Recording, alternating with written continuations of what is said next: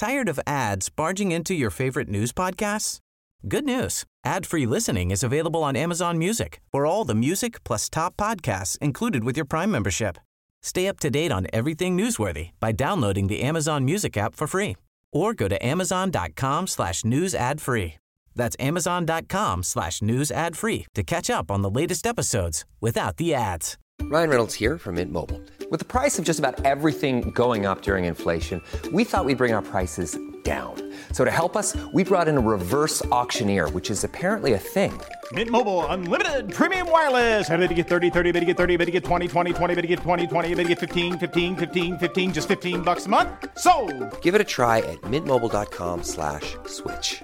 $45 upfront for three months plus taxes and fees. Promo for new customers for limited time. Unlimited more than 40 gigabytes per month. Slows. Full terms at mintmobile.com.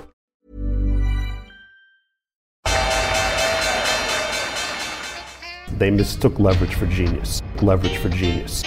I would recommend Japan. The governments don't rule the world. Goldman Sachs rules the world. Velkommen til en ny episode av podkasten 'Tid er penger', en podkast med Peter Warren. I, vi er kommet til 126 i episodenummer, og uh, i dag skal vi eh, ta, ta, liksom, se litt tilbake på enkelte temaer som vi har sett mye på, som, som har utvikla seg, sånn som Evergrande og strømkrisa. Nå er det jo veldig mye som skjer i strømmarkedet, og Peter har mye interessante ting eh, der. Vi er akkurat ferdig med opptak, og så tar jeg opp introen i starten. Uh, Peter ser litt på posisjoneringa i forskjellige marked. Det er også noe som, uh, som, er litt sånn grafavhengig, så jeg tror det er litt sånn ekstra viktig å abonnere på det nyhetsbrevet vi har, som vi sender ut med episoden. Da legger jeg ved de og mange andre grafer. Um, da er tiderepenger.no nyhetsbrev. Uh, ellers har, avslutter vi med en liten debatt rundt om det er greit at politikere går inn i privat næringsliv. Jeg tror kanskje det kan være verdt å høre på helt til slutten. Og så er jo selvfølgelig gjeldstaket nå, det er jo det skumle er jo er 15.11. den datoen der USA de får til, hvem vet. Og så er det litt diverse andre ting, og Kina og outflows, og det er en del ting som har endra seg. Så det er, det er, mye innhold i denne episoden, og mye innhold i nyhetsbrevet som går ut. Ellers så eh, håper jeg dere eh, bruker tjenestene vi har på Tid er penger. Eh, vi har jo både vår egen nyhetstjeneste, nå er det mye som skjer i Kina. Funnet noen nye kilder på Kina til nyhetstjenesten, så den fungerer enda bedre enn den har gjort tidligere for å få visibilitet inn der. Uh, så den er på uh, tiderpenger.no newswire, ligger også i menyen. Så har vi live chat, veldig mye aktivitet. 6100 som er medlemmer av den chatten. Uh, der finner du mye aktivitet døgnet rundt. Eh, og videre så har vi også en Patrion. Så hvis du har lyst til å støtte podkasten eh, ytterligere, så er en Patrion-deltaker eh, jeg vet ikke, fem-seks ganger mer verd enn en som hører på, på vanlig episode. Så det vil jo være Da er du uh, hyggelig med oss, og så får du da ekstra innhold. Det kommer til å bli en del ekstra innhold framover der. Uh, utover det så har vi også Finansopedia og mange andre ting på hjemmesida. Men da er det kanskje på tide å starte episoden i dag. Og så er vi uh, Jeg tror vi går ganske rett inn i det. Ja, hva du vil starte med? Har du lyst til å starte med å snakke om Evergrande, strøm eller framtidsutsikter? Eller nåtidsutsikter, kanskje det er bedre å si. Ja, altså Evergrande er jo litt sånn framtidsutsikter. Hvis vi bare tar kort om det, fordi nå altså Jeg har aldri sett uh, folk bli uh, oppdatere seg så fort på, på, noe, fordi det er ikke lenge siden ingen virket det som, i hvert fall utenom, utenom uh, nerdene, hadde brød seg døyten om Evergrande, eller hadde hørt om det for den saks skyld. Men nå, er, nå, har jo, nå har jo alle blitt eksperter på det. Men poenget er egentlig rundt Evergrande er at det ble jo en veldig sånn man ble veldig lettet over at kinesiske myndigheter eh, kom på banen, noe som vi trodde eh, ville skje. Og, og markedene har da steget altså slik at det der fallet som vi så i begynnelsen av, av forrige uke, ble da eh, reversert. Og jeg tror uken endte, endte positivt for uh, i hvert fall for USA. Det gjorde også, så vidt jeg vet, for, uh, for, for, Norge. Men poenget mitt er egentlig at Evergrande er ikke man, man, har ikke funnet løsningen på Evergrande. Altså Det som skjedde i forrige uke på, på torsdag, da disse lånene forfalt, var at uh, at eh, bankene, eller Evergrande, og gjennom kinesiske myndigheter og instruksjon av eh, finansinstitusjoner, eh, betalte da betalte renter på uh, lånene i kinesisk valuta. Mens man har ikke gjort noe med lånene som er i amerikansk valuta. Så det er, 300, det er rett over 300 milliarder dollar i lån i, i, dette selskapet, som er betydelig. Og som da holdes av banker og, og, og, fond og finansinstitusjoner over hele verden. Og vi vet ikke hvordan, hva som blir løsningen på det. Det er de som ønsker å erklære mislighold, men foreløpig er ikke det gjort. Så poenget mitt er at man har ikke løst Evergrande. Det som vi har sett, er en intensjon fra kinesiske myndigheter om å forsøke å begrense skadeomfanget av f.eks. en eh, dersom de går i, eh, i mislighold, skråstrek eh, konkurs. Så det er ikke løst. Problemet, det er, Dette er ikke løst, det er bare midlertidig løst. Og så får vi se hvordan det går. Men det er jo alltid slik at jo lengre tid det tar, det mer roer markeder eh, seg, fordi du blir på en måte vant til å leve under i anførselstegn trusselen. Så får vi se hva, hva, hva som skjer der, men Det er jo en tredimensjonal situasjon også. Um, uh, du har jo hatt uh, Kinesiske boliger har jo til en viss grad drevet verden framover. Um, så du har Og du har også hatt masse makt internt i Kina med at du får alle til å investere veldig heavy i eiendom. Og um, hele landet er jo uh, på en måte overlevered, og har vært det lenge, egentlig. Det men det har jo tidligere vært mye sånn skyggebankvirksomhet og sånn. Nå er vel det tona litt ned. Men um, Goldman hadde en oversikt som sier at, uh, at kinesisk eiendom er verdens største asset class. Større enn amerikanske aksjemarkedet. Jeg kan nesten ikke skjønne at det er mulig, men uh, jo, men det er, eh. det er, også en av årsakene. Jeg sier at dette, ikke, altså dette problemet er ikke, uh, er ikke, løst. Det er mye større enn det. Og det man var ekstremt redd for, var jo at dette skulle smitte over. At hvis du begynte å redusere, altså godtok nedskriving av eiendomsverdiene til, til Evergrande, altså en ekstrem nedskriving av disse, så kunne ikke andre kinesiske eiendomsselskaper opprettholde verdiene av sine eiendommer, som rimelig er. Og så Spørsmålet er om de kan, sånn som situasjonen er overhodet. Men, men vi er jo de fleste investorer er, er jo villige til å lukke øynene for, eh, for, for, slikt, dessverre. Her er et par navn du burde lære deg, da. Ok. Uh, fordi Evergrande er ikke det mest belånte selskapet i sektoren. Uh, jeg har et veldig lavoppløst chart her, men uh, hvis du ser på GZ, R og F eh, har 123 eh, eh, altså nettgiring. Greenstown 121, mens Evergrande har 100. Og så har du hele Men i volum, da? I volum? Nei, det er ikke på samme oversikten, men det er jo på nettgearing. Men uh, ja, ikke sant? jeg tror Evergrande er nummer to i volum, hvis jeg husker riktig. Jeg trodde, jeg trodde, det var nummer én, men det kan være at du Ja, altså, jeg, har hørt, ja, men jeg har bare hørt så utrolig mye forskjellig. Jeg tror um, Det er så vanskelig å vite. Jeg, rett og slett, det er vanskelig å ha oversikt over Kina. Det er enten nummer én eller nummer to. Mm. Uh, men det er veldig stort, det er jo alle klart. 300 pluss eh, milliarder dollar er, et, eh, er, en betydelig sum. Ja, altså de er jo 17 alene, 17% av det kinesiske high yield-markedet. så... Ja, og, og, som du er inne på, er størrelsen Altså både 60 000 stor, milliarder dollar.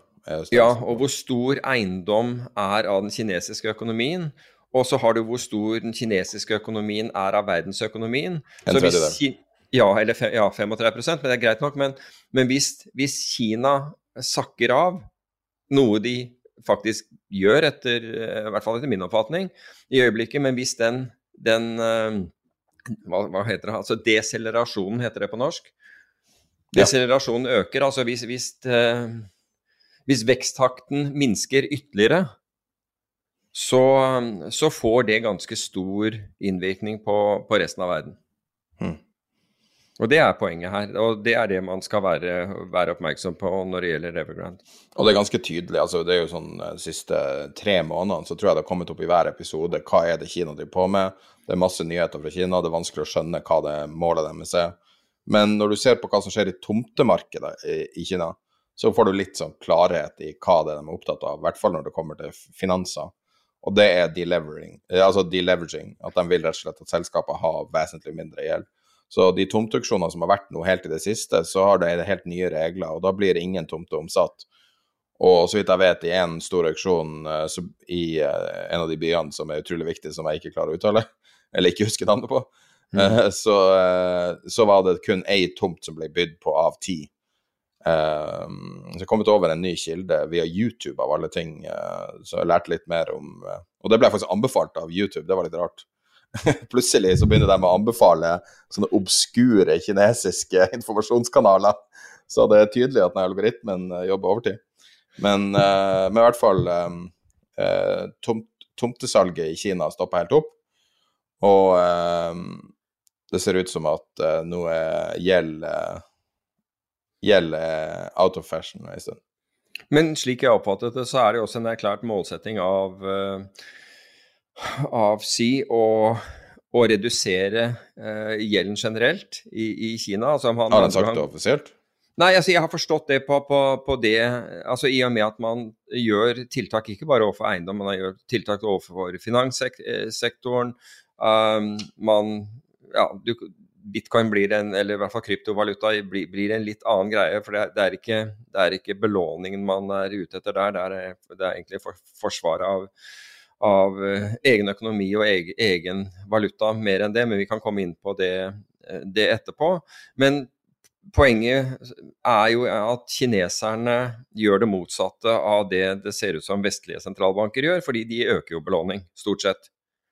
Og de tillater økt belåning, og, og belåningen blir jo bare større og større. Vi var inne på dette med, med i, mens vi snakket sammen før vi startet.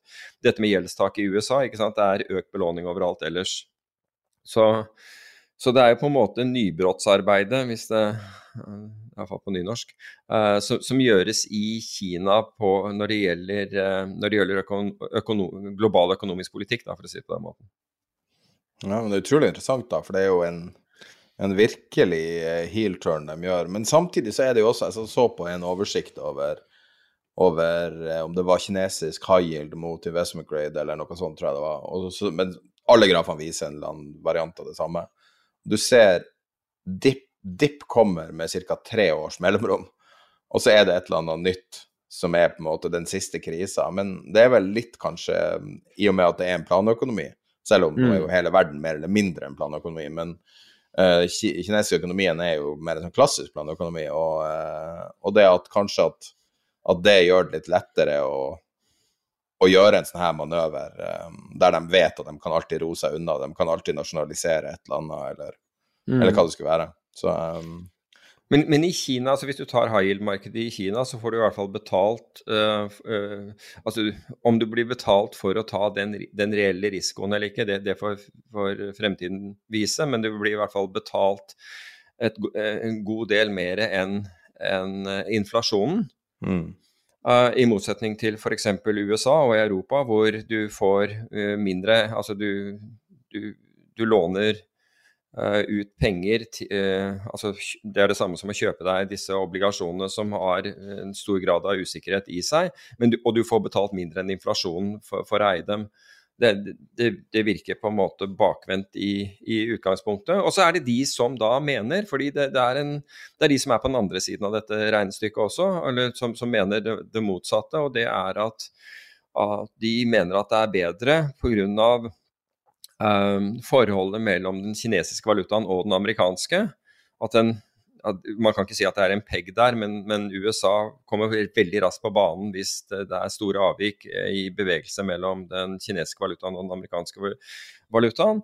Så burde man isteden investere i kinesisk, eh, i kinesisk high yield og ta sjansen der. Altså, det vil jo være spørsmål om kredittkvaliteten er like god som f.eks. i den amerikanske. Eller, og, men det, på noen selskaper så er den kanskje det, og er den sikkert bedre også, for, for alt jeg vet. Men, jeg, men, du ser jo folk som bl.a. Boas Weinstein, som ble kjent under uh, under den, den boken var, som ble skrevet ikke The Big ja, Det var vel kanskje The Big Short som, Boomerang, som ble, tror jeg. Hva sier du? Boomerang. Nei, jeg mener at det hadde fordi det var jo finanskrisen, den som Michael Lewis skrev etter finanskrisen. Var ikke det The Big Short? Han skrev to. Ja, jeg tror det er The Big Short, men den, den, reflekteres ikke i filmen The Big Short. Men Boas Weinstein, som da var i Deutsche Bank og nå er hedgefondforvalter i Saba Capital, han har investert bl.a. i Evergrande-obligasjoner. Så det er noen som tar den andre siden av dette, av, av det, det, som foregår uh, for tiden, og sier at Evergrande på, på kurser nede på 20-tallet, på, på 2027-obligasjonen deres, mener at det er et godt bet. Hva, han, hva Boas uh, hedger dette med, det aner jeg ikke, for han er, han er drittdyktig på, på, akkurat dette. Men det er i hvert fall de som ser uh, Det heter vel ikke det på norsk, men pockets of opportunity i det som mm. foregår i, uh, i, Kina for tiden. Mm. Lommer av mulighet. Lommer av mulighet, er, det, høres ikke, det høres ikke ut som det samme. Jeg tror det. Bare, bare snakk engelsk hvis du føler for det. Ja.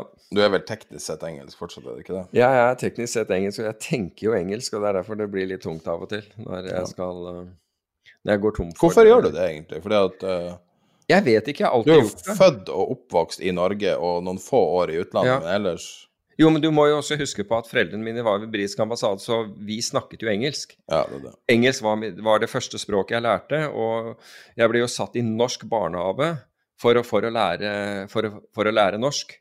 Hm. Og det er ganske tøft når du er 18 år gammel, altså. Nå tuller jeg. I'm just kidding. det var en sånn gammel revyspøk. ja, nettopp. Men uh, Nei, altså, og Det er vel kanskje sånne ting som gjør at uh, Og så må du huske at i forbindelse med jobb så har jeg jo stort sett uh, hatt med utlendinger å gjøre, altså forholdt meg til amerikanske og britiske investeringsbanker. Eller for så vidt tyske, men der gikk det også på engelsk. Så, så det var på en måte jobbspråket mitt også, da. Ja. Så det er antageligvis derfor. Nei, altså Grunnen til at jeg prøver å snik, snikoverføre til litt eh, Storbritannia, er jo det som skjer. Jeg tror mange, i likhet med meg, er interessert i din tilnærming til det som skjer i Storbritannia nå. Jeg kan oppsummere hva som skjer i Storbritannia fra en eller annen på Twitter. Petrol stations closing due to lack of fuel, climate protesters blocking access to key port, food shortages, UK asking Brazil for food. Uh, lorry driver shortages threatening Christmas. I tillegg så har eh, Storbritannia eh, utstedt 5000 nødvisum til eh, trailersjåfører i tre måneder, vil jeg merke.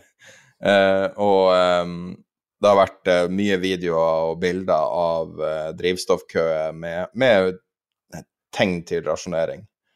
Hva, hva, er det som skjer fra ditt perspektiv? Ja, det er Hvis jeg kan få fortsette på engelsk bare der, med, med et, spørsmål, et, spørsmål, How's Brexit working for you, Boris? Det er det, det, jeg tenker om det. Det er faktisk det jeg, jeg tenker om det. Det er liksom en, en, en mismanagement som følge av, uh, av dårlig planlegging. Um, Vet du at han ikke heter Boris Johnson? Nå, han, har et, han heter et eller annet russisk nå, eller? Han heter Alexander Boris de Pfeffel Johnson. Oh, that was close enough. P-F-E-F-F-E-L. Okay. Altså han er så Porsche som det er fysisk mulig å være. Ja, ja. ja, ja. Porsche er et sånn mystisk eh, fenomen som nordmenn ikke forstår. Jeg forstår det ikke i det hele tatt, men jeg vet hva det er. Men... Jo, det er jo snobbete, da. Ikke sant? jo, men det er noe langt mer enn det. Da. Ja da, det er det. Men, men, hvis du skulle forsøkt å forklare det med et norsk, kjent norsk begrep, så ville du jo brukt det. Nei, du kunne ha sagt at, at det er også må være med i hoffet i Norge, liksom. Jeg vet ikke om det eksisterer fortsatt lenger, men, uh, men det var Være med i hoffet? Ja, det var jo et sånt begrep å være i den omgangskretsen rundt uh, Slottet. ble jo kalt å være i hoffet. Jeg hadde en slektning som var i det, i det um, litt sånn i den omgangskretsen, og da mener jeg så langt i periferien som det er mulig å være. Mm. Men sånn at liksom at det Ja, altså det nærmeste man kommer en slags overklasse i, i Norge. Ja Jo, det er kanskje Jo, det er Altså, i England så England er jo et klassesamfunn. Mm. Um, og hvis du Og du kan være for eller mot klassesamfunn. Altså Hvis du kommer fra Norge, så er du jo imot det, det er naturlig nok. Men i England, det å, å bryte den barrieren Altså hvis du, hvis du f.eks da tilhører overklassen, og tror at du, du gjør noen en tjeneste med å, med å, å, å gå ned eh, da, i arbeiderklassen, så gjør du ikke det. Du får bare rett og slett beskjed om her har du ikke noe å gjøre. Fordi arbeiderklassen i England er ekstremt stolt over, over sin heritage, sin Hva heter det for noe? Historie. Uh, hva sier du? Historie. Ja, his, ja, nettopp sin historie, og, og, er, og er, ekstremt fornøyd med, med, med den. Uh, slik at uh, slik at du, du, blir tatt som en inntrenger hvis du gjør det, og det blir ikke respektert i det hele tatt. Ja. Vi har jo litt tendenser i det enkelte steder i Oslo også, men det er jo ikke så veldig mye. Ikke nok til at jeg tror vi kan forstå hva det vil si å være Porsche. Jeg, virkelig forstå. Men det som jeg merka meg, er det matbutikkfenomenet. Det at der du handler, definerer hvor du er på rangstigen. Ok. Ja, det gjør kanskje det, men det, det gjør det vel strengt tatt i, i, Norge også, gjør det ikke det? Uh, nei, men kan du si litt liksom om Altså, er det her fordi jeg, jeg, altså, Mens jeg venta på at du skulle logge på, så satt jeg og fant uh, Prøvde å lete etter en, hva som var hitene i 1973. Og da så jeg tenkte på sånn her type sånn intro til dokumentarer, så er det sånn Året var 1973. Marvin Gaye spilte Imponerte alle med 'Let's Get It On'. Altså, jeg vet ikke, Du vet de introene som bruker å være på sånne dokumentarer. Altså, det, eh, Du har en, en, politisk klasse nå som er mislykka nesten på et nivå vi ikke har sett siden 60-70-tallet i England, som er kanskje det svakeste politiske eh, som har vært noensinne i verden, omtrent. Det var jo så utrolig svake politikere før eh, Margaret Thatcher. Og, eh, men det vi ser nå, er jo, er jo mye som er likt, da. Ja, likt hva tenker du på? Nei, Du har bensinkrise, og du har ei politisk krise samtidig. Ja, ja. Men samtidig, og England bare mister og mister og mister relevans i verden. Ja, det, vi hater jo å høre det, bare så det er sagt, men, men det er jo dessverre til, tilfellet. Uh, vi, uh, vi uh, We're punching way above our league. Det, det skal sies om, om England. jeg tror de er kjempemektige. det er den følelsen. Men når det kommer til akkurat den krisen vi har i nå, så er jo, så er jo ikke den krisen den, den, er jo ikke begrenset til England på noen som helst måte. Du har jo altså den strømkrisen Eh, som vi gjennomgår i øyeblikket, den er, den er, jo, den er jo vesentlig større. Den treffer det europeiske markedet. Og, men, men, poenget er at når, en, når, man har valgt å isolere seg, som Storbritannia har gjort, ikke bare med å ha vann rundt, eh, rundt, rundt hele øya, som du naturlig må ha for at det skal være en øy, men, eh, men også på økonomisk front, så blir det jo Så merker man det virkelig. Og um, det var akkurat som noen uh, ganske godt sa her forleden at uh, i forbindelse med at Norge eksporterer, eksporterer strøm gjennom denne, denne, kabelen, at det skulle man aldri gjøre. Og denne, denne avtalen, det er helt håpløst med, med, denne avtalen. Og da var det noen som svarte at ja, hvis Europa hadde sett det på samme, på samme måte når det gjaldt det å, å, å tilføre eller sørge for at Norge fikk eh, covid-vaksiner, så hadde vi kanskje tenkt på en annen måte. Um, og det er jo for så vidt riktig. altså Vi har den der avtalen vi har. Og når det gjelder den strømkabelen, bare for å ta, ta det, så er jo bl.a. Altså, I og med at vi er opptatt av, av uh, miljøvern og blir mer og mer opptatt av det, så muliggjør jo den at uh, ved at vi, vi, eksporterer strøm til, uh, til f.eks. Tyskland, at, at uh, man kan uh, stenge uh, tyske kullkraftverk tidligere enn det man kunne om de ikke fikk tilført denne energien. Så det, det er liksom det er, det er, litt mer i det, det, i det regnestykket. Men vi merker den jo her uansett. Det bringer oss for så vidt over i den, i den, situasjonen, eller du har egentlig allerede tatt, ved å begynne å snakke om Storbritannia, tatt oss til, den, til tingene rundt, rundt uh, strømkrisen. Og da, I den forbindelse så, så var det um, Marius Wie i Sunndal som, som skrev uh, i et innlegg i Dagens Næringsliv i, i forrige uke. Hvor han, den, hvor han, gjorde denne betraktningen at hvis du, hvis du, er heldig å ha en bolig på 120 kvadratmeter, så bruker du 12 000-15 000 kWt i året i, i strøm. Hvis da strømprisen går opp med én krone per kilowattime, så blir du påført da en merkostnad på mellom avhengig av, liksom forbruket ditt, som vi nevnte, 15 000-19 000 kroner på årsbasis. Og det tilsvarer, altså hvis du da har et lån, altså hvis du har lån på 3 millioner kroner, eh, altså boliglån, så tilsvarer det 1 økning i renten etter skatt. Så det, det forklarer egentlig hvor følsomme vi er, altså økonomien vår er, og mange har ikke tatt dette inn over seg enda, på, på, på, på, strømprisen. Så altså, nå økte sentralbanken renten med, med en, en, kvart prosent. og så tenk deg en, en 1 økning, og hadde blitt, altså, det hadde vært massiv protest. Men det er på en måte det Altså det, det, det da tilsvarer det, det, tilsvarer da ehm, det, den økningen du Altså med én krone økning på strømprisen, så er det faktisk like mye. Så dette betyr noe, altså. Så det, det er på en måte den dårlige nyheten her. Det var, var godt skrevet av han uh, uh, Marius Wie. Den gode nyheten, uh, som jeg fikk fra en strømforvalter i, i går, det er at det forventes tre til fem ganger mer, så mye Eh, nedbør som normalt over de neste 15 dagene.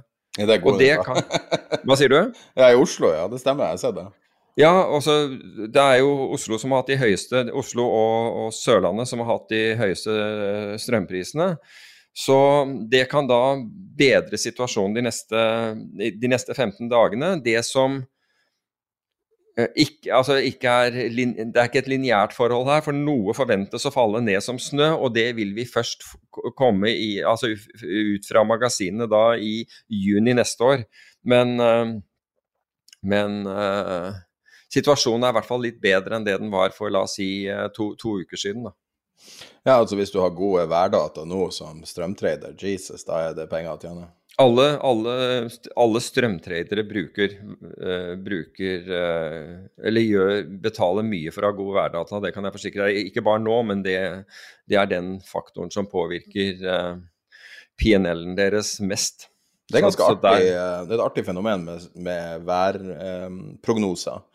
Um, det er en sånn liksom, stille revolusjon som har skjedd. Jeg husker når jeg studerte, så hadde jeg en veldig dyktig professor som hadde sånn ymse faktoider. Og han husker jeg sa at uh, du kan Det var da til, uh, sånn 2004-2005 rundt der. Og, og, da sa han at uh, du kan spå været to dager fram i tid med å bruke data. Det var jo før kunstig intelligens hadde gjort noe særlig inntog. Og utover, altså fra, de, fra to til syv, så måtte du bruke historiske data, og så vekte det litt annerledes. Um, mens det som skjer nå, er at du kan spå ti dager med data.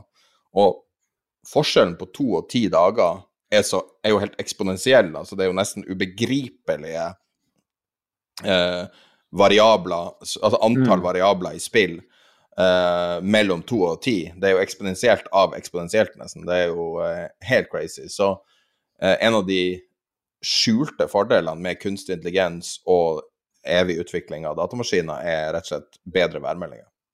Mm. Og det vil jo også påvirke finansiell stabilitet og alt mulig annet, fordi at man kan forskuttere ting bedre. Ja, altså i den grad vi er i stand til å Altså det blir jo bedre, som du sier, det blir jo bedre. Men i, i den grad vi er i stand til å, å, se langt nok frem i tid til at, at vi, vi, kan nyttiggjøre oss av det, Akkurat i øyeblikket kan vi, fordi vi ser jo den situasjonen som er. Og det, altså Situasjonen som er i dag, den, den, den er jo fordi man tappet ned magasinene uh, i tro på at man skulle få uh, mer nedbør. Det er litt interessant, og nå, vet, nå kan ikke jeg uh, kraftmarkedet godt nok, men det er litt interessant at vi bare tapper ned magasinene før vi ser tegn til nedbør. Du vil jo tro at det ville ta relativt kort tid å, å, tappe ned magasinene kontra å fylle dem. I og med at du kan bare du åpner krana mer og mer hvis du skal ha det ut fort, men du kan ikke gjøre så veldig mye med, med nedbøren. Um, jeg lurer på liksom hvorfor, hvorfor tapper vi så lang tid i forveien? Hvorfor tapper vi antageligvis for ikke oversvømme områder, vil jeg muligens, da, men det er sikkert en grei forklaring på det. Og når jeg nå legger, den, legger det spørsmålet ut på på, på, på podkasten, så er jeg helt sikker på at noen kommer til å fortelle meg akkurat hvorfor. Men i hvert fall fra mitt naive ståsted var det det første jeg tenkte på når noen sa at ja, ja vi, vi tappa nok ned, ned magasinet litt, litt, for tidlig i år, eller vi var nok tidlig ute. Altså, for meg så høres det nesten ut som grov tjenesteforsømmelse, men det er sikkert en naturlig forklaring på dette. Litt mer eh, signifikant, og jeg vil si potensielt mer signifikant enn Evergrande, er det som vi toucha inn på i forrige uke, som, uh, som var overskygga av storminga av Capital i USA, som var at mm. Kina gikk i svart i januar. Og nå har de begynt å gå i svart igjen.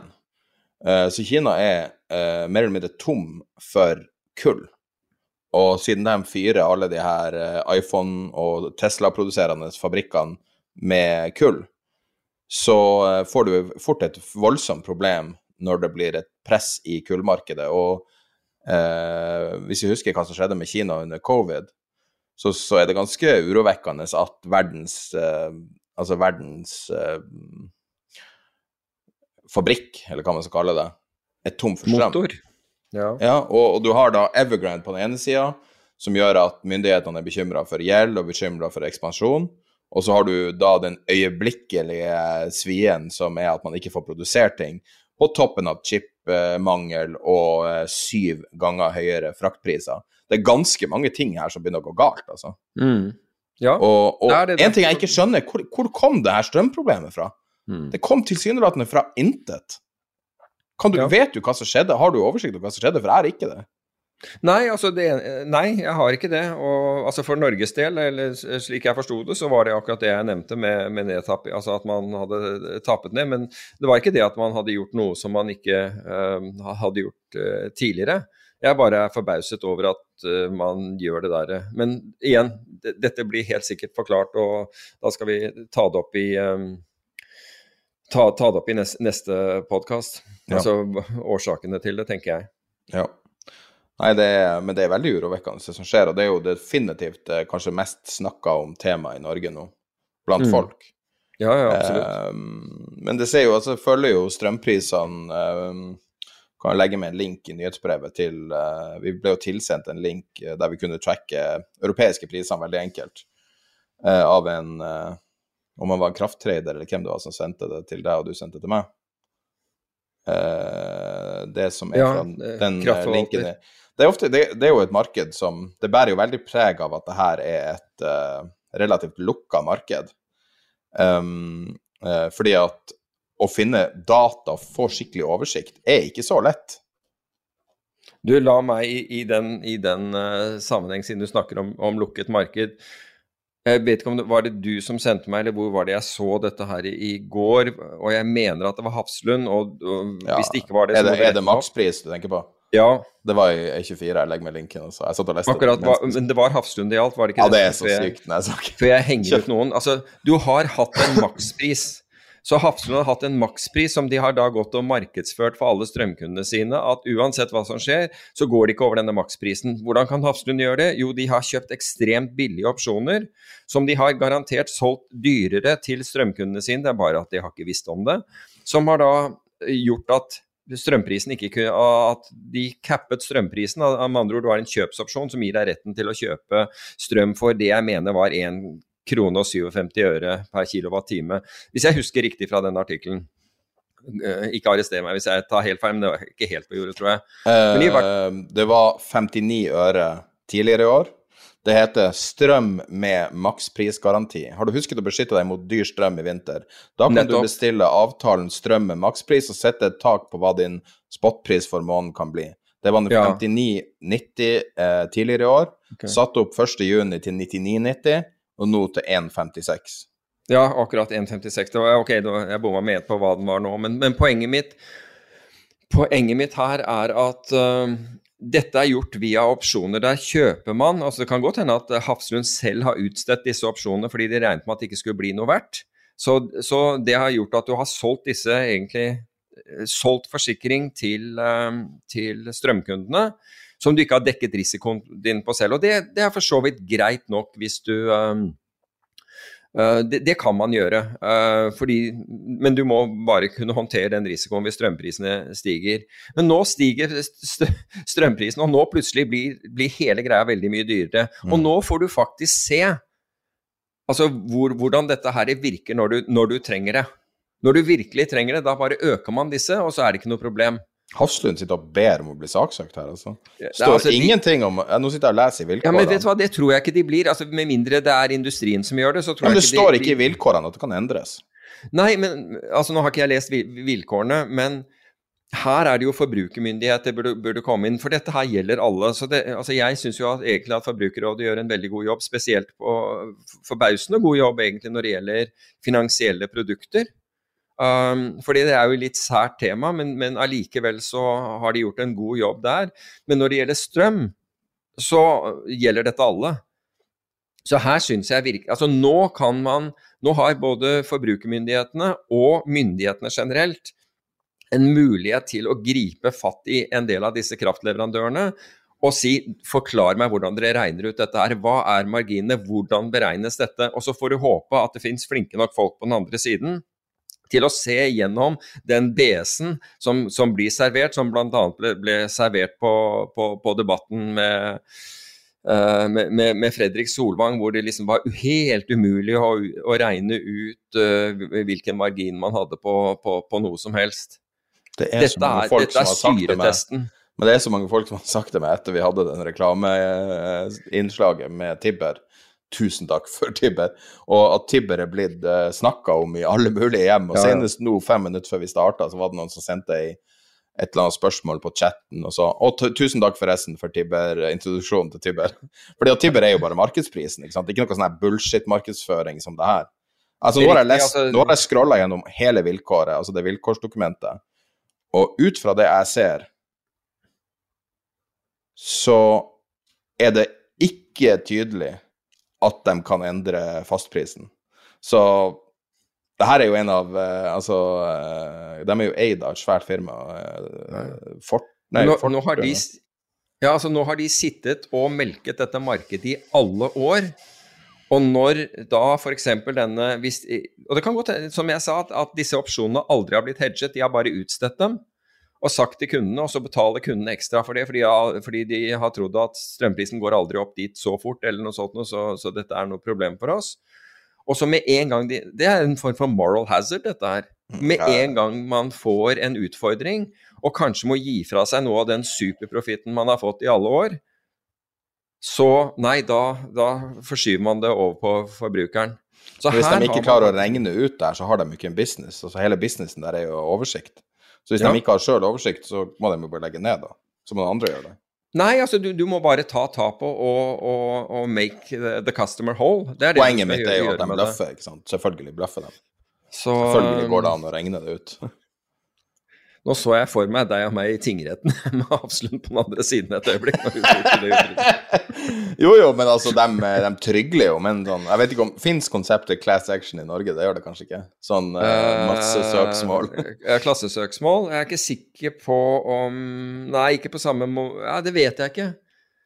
Var ikke noe av det som man gjorde i uh, Rødeggen var eller Nei, da, da, da, ønsket man jo Da ønsket man jo absolutt ikke det. Altså, jeg vet at uh, aktuelle banken det alt da gjorde alt for å protestere mot at det ble det, og at uh, hver sak skulle behandles for seg. Og det gjør det jo ekstremt kostbart for, uh, for forbrukerne, da. Men, mm. men, tilbake til nå har man en gyllen mulighet til å virkelig gå og se på dette her. Og man finner garantert noen som er flinke til å regne, og som kan kraftmarkedet godt nok til å rive fra hverandre de, eh, bløffene. Så, det, er, det, er, flere ting som, eh, eh, som truer husholdningsøkonomien til folk. Nå har du jo hatt eh, renteoppgang eh, altså på styringsrenta. Og så har i hvert fall DNB satt opp renta, og i takt med sånn som det funker vanligvis i markedet, så blir vel alle å sette opp renta en kvart prosent. Og man skulle jo også tro at uh, om ikke så altfor lang tid vil vi få ei rente på sånn 1,5% over dagen, så er vel det som er blitt signalisert. Sånn cirka. Er det, er det, er det, er det for øvrig motto til DNB? Raskest å sette opp, eh, seinest å sette ned? Jeg bare lurer, er det det? Ja. ja. Apropos det her, eh, vi står på i retten, da, så, men eh, jeg har masse jeg kan si. Jeg sier som i Sopranos There's a lot of things I could say that I'm not gonna say. ja. Ja, vi, men, det, kanskje wind it in litt her. Ja. Jeg sitter her i 18 grader på hytta nå, så, uh, i Nord-Norge, liksom. Det, det, er ganske urovekkende. Apropos klima. Jesus. Du har ikke lyst til å sitte i ni grader, du har ikke lyst til å sitte i ni grader i Oslo, i, i Oslo tingrett, er det det du sier? Nei, mm -hmm. Nei men, uh, men så når renta stiger nå i Norge, så var det noen i chatten som hadde, som hadde bare sett på det litt større. Og rundt regna så per million kroner lånt, så stiger dine rentekostnader etter skatt ca. med 2000 kroner per kvart prosent. Mm. Så hvis du da sier at vi skal i hvert fall opp 1 fordi vi skal tilbake til nivået før korona, skulle man tro. Det er jo det Norges Bank har sagt ganske tydelig, og hvis du går og leser på Norges Banks hjemmeside, bare så står det vi kommer sannsynligvis til å tror det er en og en kvart eller noe sånt innen, innen et år eller noe sånt. Eh, så skulle man tro da at eh, du får åtte Uh, kan det bli 8000 kroner per million lånt. Og en typisk bolig, f.eks. hvis du tar i Oslo, er vel kanskje 5-6 millioner. Jeg vet ikke hva en typisk bolig er. Jeg vet ikke. Det er mulig, det. Men la oss si en bolig til 5 millioner. Ja. Så da har du 5 ganger 8000 i økte årlige kostnader bare på renta. Mm.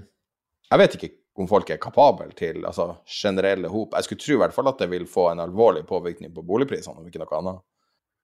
Ja, det, det, burde jo innvirke, altså det burde jo innvirke på forbruk. Nå har jo folk spart veldig mye penger det, det, i, en periode, så noe sånn akutt behøver ikke å være, men det, men burde jo ha en innvirkning. Altså, 4000 mer i måneden, f.eks. Jo, men hør her. Hvis, du, hvis, du, da tar noen tusen kroner eh, fra folk i, eh, i måneden pga. Av, av strøm, og noen tusen kroner i måneden fra folk pga. Av, av økt rente, så skal det jo noe til at på, på, den, på, den, vanlige økonomien at man ikke ser det på, på forbruksmønster.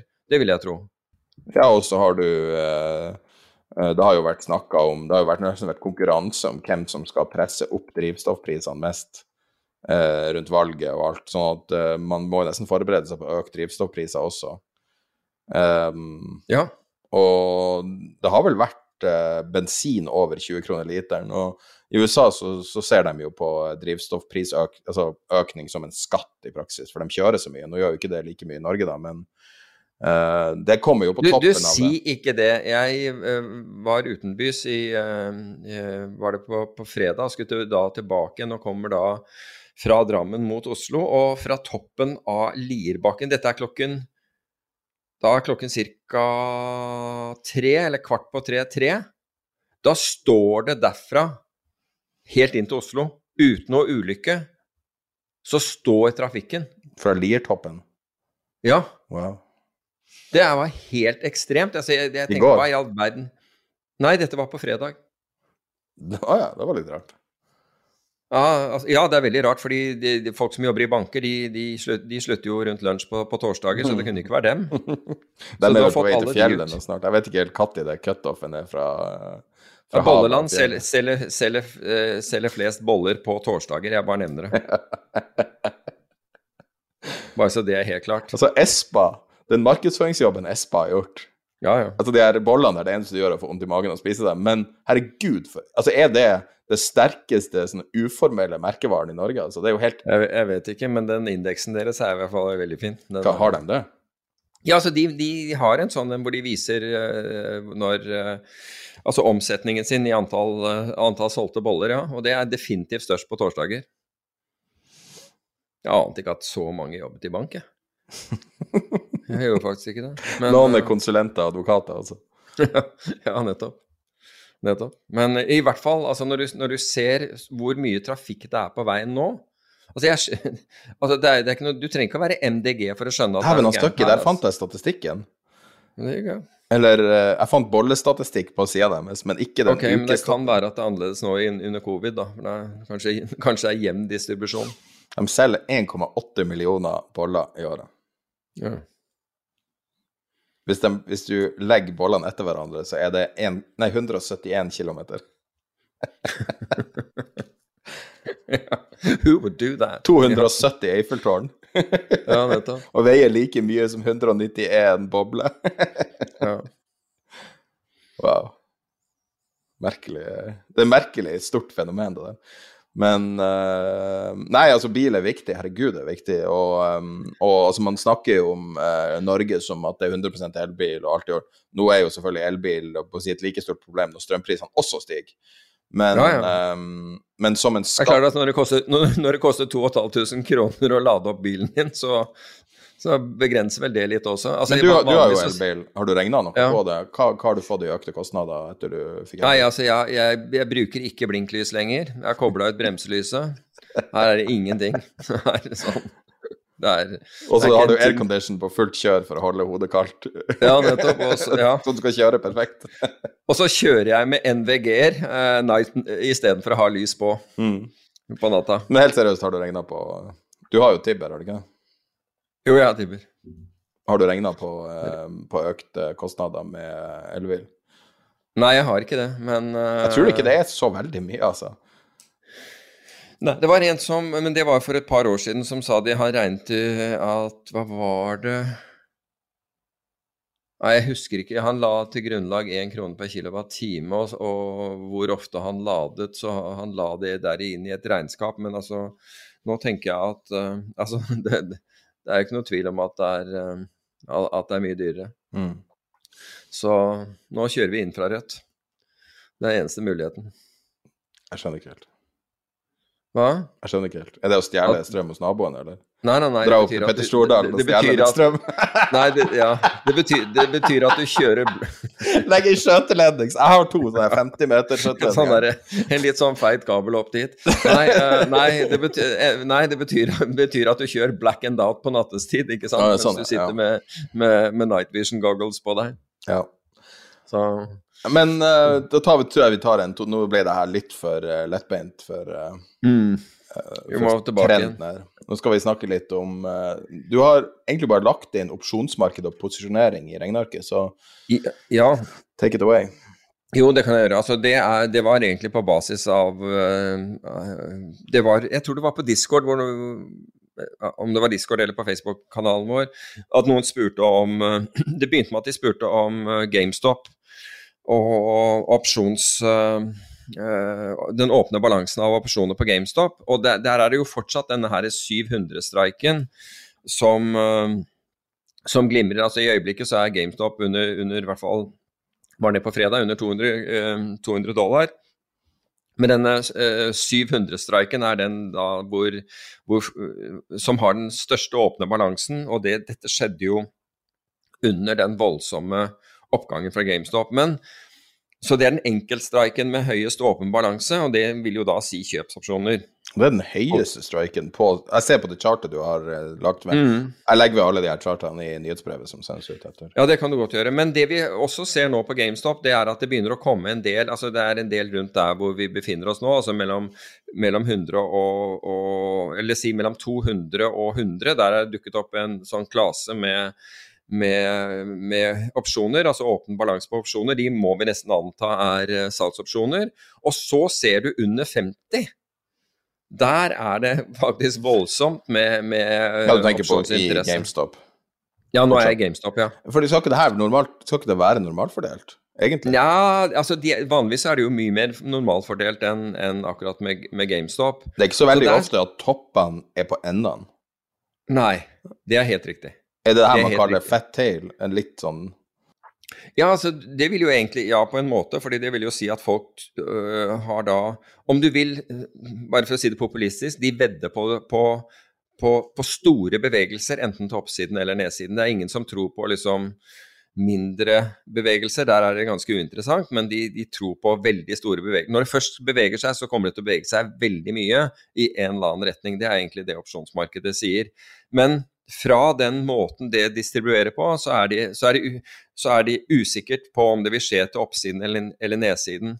Det med den 700-streiken som har den høyeste, det, det, kommer tilbake fra den tiden hvor en eller annen grunn den, den ble anbefalt av noen å, å, å, kjøpe. Så du for øvrig, apropos det, mens vi er inne på GameStop, der var jo han Roaring Kitty, uh, uh, som da var aktiv på på Wall Street Bet, på, på, på denne Reddit um... Jeg vil bare presisere at han heter Deep Fucking Value på Reddit. Okay. og han heter Rory Deep Kitty fucking- på Twitter. ok, det er greit. Det er, det er sikkert vel valgt. Det sier jo hvor mye jeg følger denne fyren. Men i hvert fall, visste du at han da jobbet Altså når han begynte med disse sendingene på, på YouTube og hele greia, så jobbet han i et forsikringsselskap? Jeg trodde han var megler. Jeg hadde hørt at han Nei, han, han, var, han satt i et forsikringsselskap, jeg tror det er Massachusetts Mutual eller et eller annet sånt, som nå er blitt dømt til en bot på fire millioner dollar for å ikke ha hatt kontroll på denne fyren. Fordi det kunne oppfattes som om han representerte dem når han, siden han jobbet for dem, når han gikk ut og, og var klin gæren på, på, på sosiale medier. Ja. Så de har fått en bot på fire, fire millioner De har ikke fått noe oppside, men en bot på fire millioner dollar for å liksom å drive og surre. Fra hvem? Fordi På hvilket grunnlag? nettopp det grunnlaget at, at uh, Mass Mutual, som det heter, de skulle ha uh, sørget for at det, ble, at det ble helt klart at han ikke representerte dem.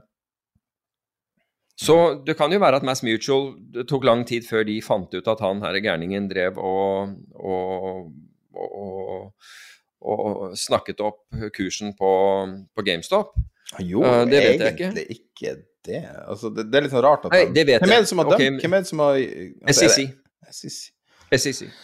Ja, sånn, altså, man kan jo si at han, han gir finansielle råd, og uh, uten å disclaime I USA må du disclaimer Ja, for eksempel. Ja, antageligvis er det, er det noe sånt. Men det er jo det vi har på en måte har bedt om i Norge, med han der eh, Ja, ja. Wolf of eh, bygda, eller hva det er. Jeg, har ikke helt oversikt, men alle de folkene på internett, eller på TikTok primært, da, som, Mm. som gir eh, eksplisitte investeringsråd uten å ha konsesjon. Mm. Så det er mulig at de tar det litt mer på alvor enn de gjør i Norge, jeg vet ikke. Ja, mulig. Jeg syns det er fint. Jeg syns at um, du har jo en helt ny klasse med både lyttere av podkasten og deltakere i finansielle markeder som har ei litt alternativ oppfatning av hva som er regler, hva som er rett og galt i finans. Hva er det man kan gjøre og si og gjøre? Mm. Og eh, du ser jo, vi får jo regelmessig eh, jeg å si, feedback fra lyttere og alt sånn, som bærer veldig preg på at deres primære uh, på en måte introduksjon til finans var fortsatt GameStop-situasjonen. Og at Mm. de fortsatt henger seg opp i alle mulige ting eh, som er veldig veldig distinkt for akkurat den situasjonen. Så jeg tror GameStop har hatt en, en helt sånn ubeskrivelig stor impact på sammensetning av investorer, hva folk bryr seg om. Litt sånn som det som skjedde med sjakk, for å ta noe helt annet. Eh, når, eh, når Netflix lanserte den TV-serien om nei, den der serien Ja. om sjakk, Queen's Gambit, så Ja, tok jo nettopp. sjakk av, og plutselig ble det mainstream blant liksom, Mm. folk som bare var generelt kjent og spiller sjakk. Og på samme måte var det med GameStop, og det her virker jo bare å vare. Altså, de her folkene er nå i finansielle markeder. Men det er, det er jo, altså det er jo en eh, Du sa det var laget flere filmer om, om GameStop, men jeg visste om den ene, den som ble vist på NRK2, og som vi linket til på, som man finner link til på Facebook-gruppen vår. Og den forteller jo veldig eh, Altså, den, den beskriver jo veldig godt investorene, mange av disse, den typiske GameStop-investoren, som sitter og skåler med, med deep effing value og, eller roaring kitty, eller hva du vil kalle han. Uh, ikke så, På, på, på ettermiddagen de sitter og drikker alkohol sammen med han på, på, på, sånn på nettmøter og, og, og hele greia. Det er liksom Det, det, det forteller jo Altså, det er, den er verdt å se. Altså, den, den er ikke, det er ikke et høyt uh, finansielt nivå på denne på den filmen, men det er, det er, det er, eller reportasjen, kall det hva du vil. Men, og det er det heller ikke ment å være, men den, den, den, jeg syns den avdekker veldig mye hvilke type investorer som holdt på, øh, og, og som engasjerte seg i dette her. Um, be that as, it may. Hvis vi går til Tesla, da, fordi det har vært en annen sånn favoritt å, for, for mange å, å snakke om, så har jeg sett på hvordan, uh, hvordan øh, åpne, den åpne interessen av, av opsjoner. Åpen interesse betyr antall utestående kontrakter av, øh, av opsjoner på Tesla. Hvordan det distribuerer i forhold til vi, hvor kursen er i dag. Og der ser vi helt markert at det er mye større interesse for å eie opsjoner til nedsiden, som vi da kan anta er salgsopsjoner, enn kjøpsopsjoner til oppsiden. Så der er det mange flere som enten tror på nedgang eller ønsker å beskytte seg mot nedgang, uh, enn f.eks. det var i GameStop, hvor, hvor det er en sånn gamble-mentalitet at enten går dette fryktelig mye opp, eller så går det rett skog, uh, til, til skogs. Men ref det vi snakka om Gamma, det her er jo en mye mer tilnærma normalfordelt graf. Ja. Eh, som er også da ei, ei, vel Hvis man tar utgangspunkt i det vi snakka om gamma når vi var sist, eller, eller Ja, men den er leptokurtisk, ikke sant, fordi du ser at den er fetere på Den er fetere venstre hale enn høyre hale. Ja, men tenk deg hvordan Tesla var, hvordan det her Hvordan åpen interessen så ut ja, for et ja, år siden, der du hadde helt enorme volum på langt ut på høyresida, som da tilsynelatende kanskje drev kursen, ikke sant. Nettopp. Eh, så, så det at den er normalfordelt, og at Tesla nå har blitt en relativt kjedelig aksje å følge i forhold til hvordan det var, er jo kanskje et sammenheng der. Ja, men, men, så kommer du da til hva med på markedsnivå. og Hvis vi legger SMP 500 til, eh, til grunn, da, det som også kalles SPX i, eh, i, eh, i, USA, så ser du jo litt av det samme. altså Det er mye mer interesse for mye større åpen balanse til nedsiden. Det er ganske stor åpen balanse rundt der vi befinner oss i dag. Og det tar jeg som et signal på at man kjøper faktisk opsjoner. Altså at det er mange som velger, velger opsjoner istedenfor aksjer, altså at the money. Men, er, men, går du oppover, så er det veldig lite. Det er veldig lite. Så, så det, er veld, det, er faktisk få som har i noe særlig grad byttet ut aksjeeksponeringen sin med opsjonseksponering. Altså med andre ord, de sier at eh, istedenfor å holde aksjer, for å sitte på aksjer for jeg, av, ulike grunner. Det kan være at du syns markedet er dyrt, eller du er redd for en korreksjon, eller nå kommer oktober, spiller ingen rolle hva det er. Så er det relativt få som har byttet ut aksjene sine med opsjoner. Eh, til oppsiden med, med, med, kjøpsopsjoner. Men du ser samtidig en stor interesse for å kjøpe salgsopsjoner. At det er ganske mange salgsopsjoner som finnes i markedet. Og det går helt ned mot altså 3000 og under, under der. Altså vi befinner oss på 4500, rett i underkant av 4500 altså in, eh, på, på indeksen nå. altså Nå snakker jeg om indeksnivået.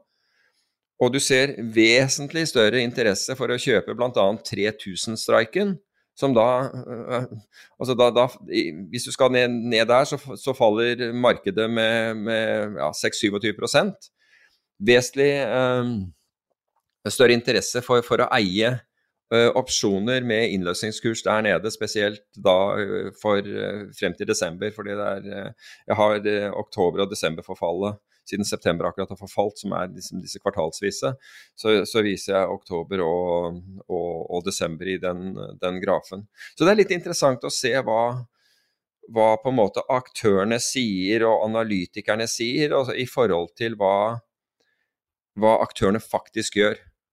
For her ser vi hva, faktisk, hva de faktisk gjør, fordi dette er åpne kontrakter. Dette vet du hva de også gjør? Hva sier du? Vet du hva de også gjør?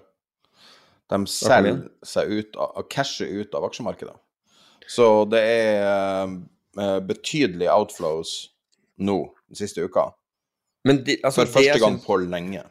Jeg vet det, det men det jeg syns er merkelig med det, var jo at uken før hadde vi de største inflowene, og vi påpekte jo bl.a.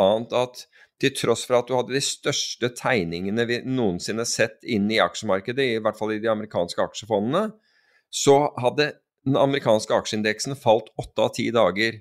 Som jeg tolket på at smart money, altså de smarte altså det, det, var retail-investorer, altså småsparere om ja, La oss kalle det det, små småsparere som hadde tegnet seg, altså de skulle inn i markedet. Og når, små, og når, da markedet faller til tross for denne enorme tegningen, så, og det ikke er småsparerne som, som, som trekker seg ut, for da, da, vil du ikke ha netto tegning av, av, småsparere, så må det da være institusjonelle, det, eller det vi kaller smart money, som trakk seg ut samtidig som småsparerne gikk inn.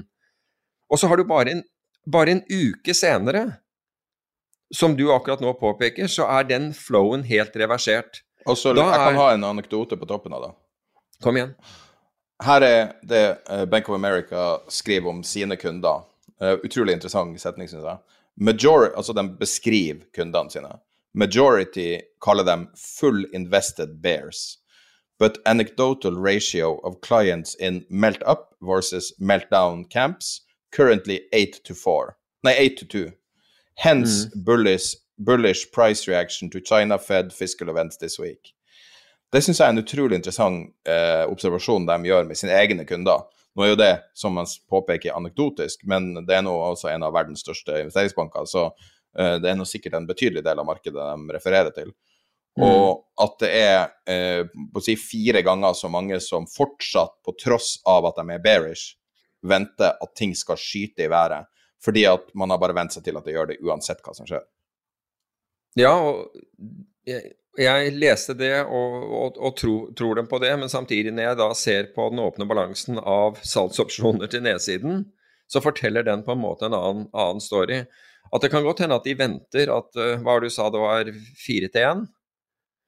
Eh, forventer at hvis du får en stor bevegelse, og skjer den til oppsiden. Så er majoriteten av de som faktisk reagerer på det, de, de vil beskytte seg mot, uh, mot, nedsiden. Og de har da tatt beskyttelse mot, mot nedsiden. Så um, det behøver ikke være noe selvmotsigende i det for, for, for så vidt, men altså, hvis du har kjøpt mye aksjer, og så kjøper du beskyttelse på de aksjene, det du egentlig da har gjort, er, er, å skaffe deg en kjøpsopsjon, men det er en annen sak, det er en syntetisk kjøpsopsjon. Hvis du kjøper aksjer, kjøper en, en salgsopsjon, så har, så har, du gjort akkurat det samme som om du gikk og kjøpte deg en kjøpsopsjon. For nøyaktig samme avkastningen. Avkastningsprofilen som om du kjøpte deg en, en, en kjøpsopsjon. Det burde folk tenke på, for det er mange som gjør dette her. På samme måte som hvis du går og kjøper deg en aksje og utsteder en kjøpsopsjon, så er det syntetisk det nøyaktig det samme som om du utstedte en salgsopsjon. Og det forbauser meg hvor mange Og dette er forvaltere som faktisk gjør den strategien der, og som mandatene deres tillater ikke at de utsteder, at de utsteder opsjoner, og i hvert fall ikke salgsopsjoner, men det er faktisk syntetisk det de gjør. Så da lurer jeg virkelig på hvor, hva styrene deres, altså hvor de er hen når det gjelder kunnskap. Når de da sitter og ser at, at det vi egentlig har gjort, det forvalteren driver med, det er å utstede syntetiske salgsopsjoner. Men det kan hende at verken styrene deres eller Finanstilsynet forstår, forstår, matematikken i dette, det, siden dette her har, dette har skjedd siden tidenes morgen. Men alt du trenger å gjøre Du, du er jo utdanna innen psykologi, så da kan få deg til å analysere det her. Uh, jeg er ikke helt sikker på hvem det refererer til. Det var Bloomberg som refererte til en tale. Den som heter George. Jeg er ikke helt sikker på hvem det er som er i Fed som heter George, men det er egentlig likegyldig. Han representerer Fed. Uh, og han ble jo sitert uh, på en Bloomberg-lynmelding eller to meldinger som kom ut fredag eller torsdag. Og da han sier We are forecasting in a bit of a fog. The cost of being wrong is high. Need to look at various possible scenarios. Så vi har da et marked som har satt rekorder på rekorder på all time high i år. altså Jeg tror det er over, over mm. 60 all time high. Og uh, du har uh, 57 tror jeg det er, faktisk. Ja, okay. Men 57 på SMP. Så du har mm. uh, Folk blir rike over natta av å, av å selge digitale giffer, og du har, bu, du har booma i alle mulige retninger, og ting er tilsynelatende så bra det kan være. Og likevel så sitter de som på en måte styrer hele sulamitten, den amerikanske sentralbanken, og sier at de er livredde. At, at, de føles som de er midt i, midt i tåka? Ja. Altså, Tåke er jo noe man bruker om krig, liksom. Altså den der uh, war, uh, fog of war. Mm. Altså, ja, men... Det gir nesten assosiasjoner til det, og så, og så, er man liksom i ei boomtid man ikke har sett maken til. liksom. Jeg bare syns, hva, hva du syns om det fra fra et annet perspektiv enn finansielt, liksom? Altså, jeg, jeg, tenker jo at i hvert fall når det gjelder markedene, så foretar vi alltid beslutninger og avgjørelser og, og handlinger på basis av ufullstendig informasjon. Vi har aldri, uansett hvordan du vrir og vender på det, det er mange som, som mener at nei, ja, de, de har all informasjon. Du har aldri det. I livet har du jo sjelden all informasjon heller. Men det er graden av, av ufullstendighet. ikke sant? Det større grad av ufullstendig informasjon du, øh, du, har, det mindre kan du være sikker på det, den konklusjonen du fatter. Og følgelig burde det gjenspeiles i hvor mye risiko du tar.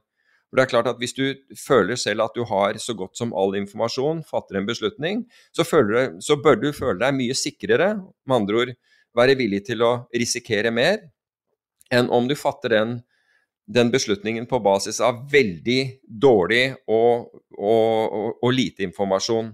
Men sånn er det ikke. Det er ikke sånn, altså, Siden du, du, du spør om det med psykologien. Tvert imot. Vi ser på det vi, vi ser ikke på beslutningsgrunnlaget.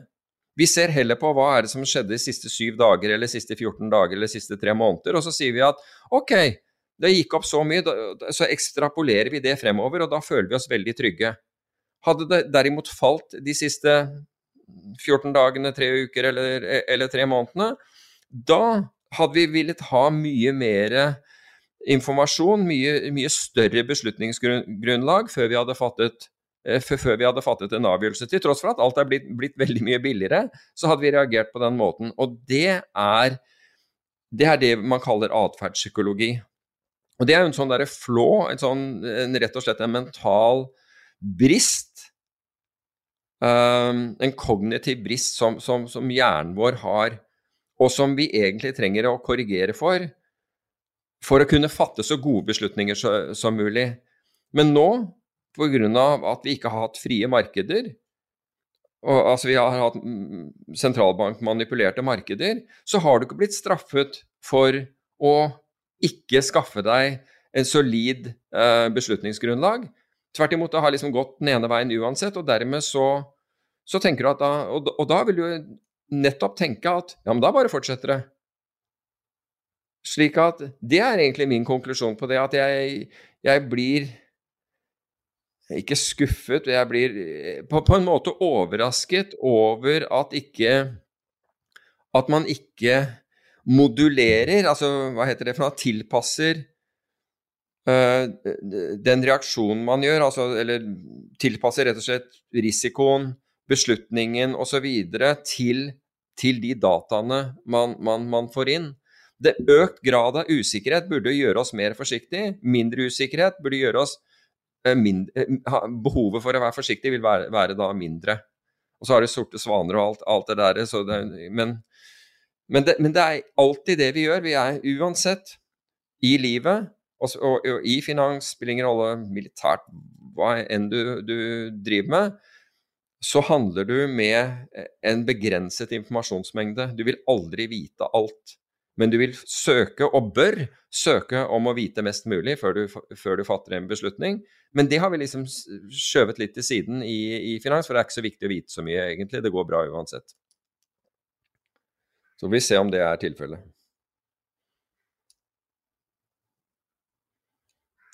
Det var Psykologi 101 i dag for øvrig. Jeg husker nesten ikke noe om vi snakka om gjeldstaket før vi begynte å ta opp, eller ikke. Var Vi var så vidt inne på det. Hva ja. Vi var så vidt inne på det, men, men altså, du, du, du, spurte meg før vi begynte å ta opp, så spurte du liksom om, om ikke jeg oppfattet det for å være viktig. Jo, jeg oppfatter det for å være viktig, og jeg oppfatter det egentlig for å være mer viktig nå. Jeg, men dette var vi inne på sist, og det er fordi Bidens popularitet har falt dramatisk. Og, og det har gjort at det har slått sprekker i hegemoniet, om man vil, blant demokratene. Hvis demokratene er enige, altså alle stiller seg bak og er enige, så, så er det ikke noe problem å få, få gjennomført en økning av gjeldstaket. Men dersom noen av demokratene begynner å, å, å protestere og, og, stemme imot, så blir det et problem.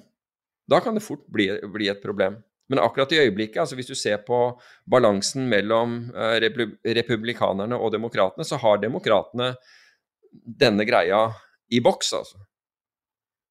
Men så, går spørsmålet til liksom og, og, det, vi har allerede sett små Altså, vi har sett tegn til at enkelte av uh, de demokratiske politikerne ikke er ikke vil spille på uh, ikke, ikke, for enhver pris vil spille på lag. Nei, du har jo spesielt én i, i, Kongressen som er uh, nesten demokrat in name only, som de sier, som, som, er han som er mest på høyresida. Uh, som er nok alene nok til å vippe, vippe det over. Men uh, republikanerne snakker åpenlyst om at de syns det er greit å gå inn i en teknisk til folk for USA. Uh, som er for meg helt utrolig å tørre å kødde med sånne sterke krefter når du er verdens reservevaluta. Men hvis vi kan se på, eh, kan se på liksom, utviklinga fra i dag eh, så er det et graf jeg sendte med i forrige nyhetsbrev, vil legge med det her også, eh, som er da hva USA bruker penger på, uke for uke. Um, og for eksempel denne uka så bruker de um, i overkant av 150 milliarder dollar fordelt over mange forskjellige ting. Uh, Medicare bl.a. er en stor komponent, og så uh, Social Security er en stor komponent. Og så er det sånn vedvarende diverse ting i forsvar og alt sånn, men det er um, relativt små rentebetalinger. Så begynner du å se litt utover her når det er uh, når det gjeldstaket presser litt mer. Og spesielt da, så er en dato som jeg har bitt meg merke til, er 15.11., der de har 40 milliarder dollar i rentebetaling. Og Poenget er mm. at veldig mange av de andre utgiftene, f.eks. Medicare og Medicaid, og sånn, uh, som er de, deres form for sosialisert medisin, uh, så kan de forskyves, sannsynligvis, uten at du får noen konsekvenser. Så sånne betalinger Du kan furloughe ansatte som gjør at du tvinger dem ut i å ikke ta imot lønn, og så og så kan du gjøre masse sånne grep som har vært gjort tidligere og relativt udramatisk. For, ikke for de personene som ikke får tjene penger, men for, for samfunnet og for staten. Uh, men da den 15. november er den datoen som står ut som uh, potensielt risikabel, ut fra sånn som jeg ser nå.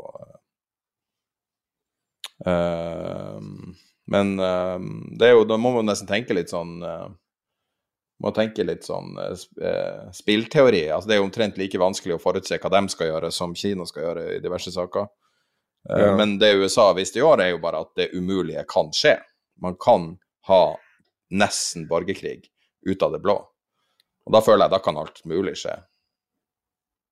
Ja, alt mulig kan skje, men jeg tror veldig mange støtter seg til, til, eh, til det at det har virket som det viktigste som, uh, som amerikanske regjeringen kan gjøre, eller president kan gjøre, det er å holde aksjemarkedet oppe. Fordi nå, nå er jo ikke Biden Trump på, på noen, noen, som helst måte. Ja, på en viss måte er han i hvert fall i, i forbindelse med dette AKUS-saken uh, mellom Storbritannia, Australia, Eh, USA og, og, og, Frankrike. Frankrike er ikke en del av AUKUS, bare så det er sagt, men de ville gjerne vært det. Men, uh, men de, den vekten som, som, er blitt lagt på, også fra, ikke minst fra sentralbanken, hvor at aksjemarkedet det må uansett ikke eh, røres. altså Det, det kan ikke vise usikkerhet. Um, så jeg tror mange lener seg på at um, vi, uansett hva man gjør, så, så, så, så, vil man ikke la markedet falle jeg tenker at hvis, hvis, hvis, den, hvis den, teorien og, som man legger seg på der, på et eller annet tidspunkt viser seg å, å ikke stemme, da blir det litt av et opprør, oppgjør og opprør, tror jeg. 1. juli i år, hvis du eh, bodde i en Jeg vet ikke hva som er den direkte overføringa av county. Blir det kommune? Det, det blir jo Nei, municipal. County er fylke? Ja, jeg, jeg, vil, ja, jeg vil kalle det det, fordi Ok, ja. jeg bare sier county. Så hvis du bodde i County er egentlig grevskap, men vi okay. Annet enn nede ved Tønsberg, så er altså Jarlsberg grevskap, så er Hvis du bor i et grevskap som stemte som på. Biden eller Trump 1. juli i år, så var du eh, med en bitte liten margin eh, mer sannsynlig å dø av korona hvis du hadde, var i et, et, et, grevskap som hadde stemt på Trump, primært. Eh, altså hvis hadde Hvis det var mer Trump-stemmer enn Biden-stemmer. Det var hårfin forskjell 1.7. Altså sånn at eh, liksom innenfor, uh, innenfor feilmargin. Okay. Og så når du kommer til uh, starten av september, så er det litt større margin mellom om det grevskapet du bor i, stemte på Trump eller Biden så er det da større margin, sånn at det er større sannsynlighet at du dør av korona. Eh, men så flata Biden-countia seg ut, og eh, dødstallet per uh, 1000 innbyggere falt, endte opp på, altså sånn akkurat i dag, på ca. 0,4. Hvis du bor i en county som primært stemte på Trump, så er dødstallet per 1000 innbyggere på 1,25 ca. Så det er nesten hva det blir tre og en halv, fire ganger større mm. sannsynlighet å dø av korona hvis du tilfeldigvis bor i en county som stemte på Trump. Ja. Men da får jeg si som Trump, eh, eller som han kontret med da han ble fortalt hvor mange dødsfall da var i USA den, der, den siste uken eller noe sånt, og da han satt som president. Ja, men eh, Dow Jones er opp. Ja. Og det var svaret. Men det er litt annerledes da, for da hadde man ingen kur, ikke sant. Da var det ikke så mye å si. Mens vaksine fungerer, og folk velger å ikke ta vaksinen. Og Han visste jo ikke at, eh, at masker kunne hjelpe heller, ifølge den siste boken om han, men det er greit. Da sa han helt klart at det hadde han ikke trodd. Så den muligheten hadde man på Ja. det tidspunktet, men det er ikke så farlig. Men det har i er hvert fall det har blitt en stor politisk rift rundt vaksinasjon. Mm. Eh, noe som historisk sett har vært veldig normalt å ha i et samfunn, og det har vært normalt at det er tvang for hvis du skal gå på skole eller jobbe eller et eller annet. Det har vært så lenge, jeg tror det har vært i flere hundre år, at de, de første vaksinasjonene, altså, vel, altså, eller tilnær, samme tilnærminga, da. Jeg vet ikke når de første vaksinene kom, men, men, uh, men uansett uh, uh, bare, Det var en statistikk som jeg så nå mens vi hadde podkasten. Jeg syns det, var så- Mm. det var så påfallende at den måtte deles. Uten Ja. å ta en politisk eh, eh, 1796 var første vaksinen. Mm. Det var litt tidligere enn jeg trodde. Mot Koppa. Ja.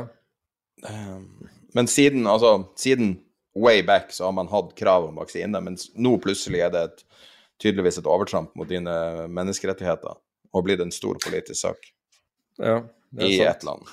Praksis. Så Får jeg fortelle en hyggelig sak, forresten? Og det var at eh, jeg gikk langs stranden her ute hvor jeg eh, bor i, i går kveld. Det var akkurat når det begynte å, å bli mørkt, og faktisk drev og tenkte på, på, på podkasten, hva som skulle være i, eh, i podkasten. Og så på et sted helt nede ved vannet så så sitter det to unge par og, og griller, og akkurat idet jeg gikk forbi dem med, med, med hunden, så, så ser en opp og, og viser meg tommelen og, sier 'stor fan av podkasten, tid er penger'. Det syns jeg var hyggelig. It made my day, faktisk, det der i går. Jeg syns det, eh, det, det var så rart at liksom det, det, skjedde akkurat eh, mens jeg på en måte prøver å, å tenke hva vi skal snakke om i dag. Så det er en annen måte for meg å si en varm takk til eh, den som faktisk eh, tok seg tid til å, til å si det. Ellers så tenkte jeg jeg skulle ta ukens sitat. Og det er you, you are never a loser until you quit trying. Og det ble sagt av uh, riktignok av Mike, Mike Ditka, som hvis jeg ikke tar feil var en amerikansk uh, fotballspiller. Men poenget er at det er så sant.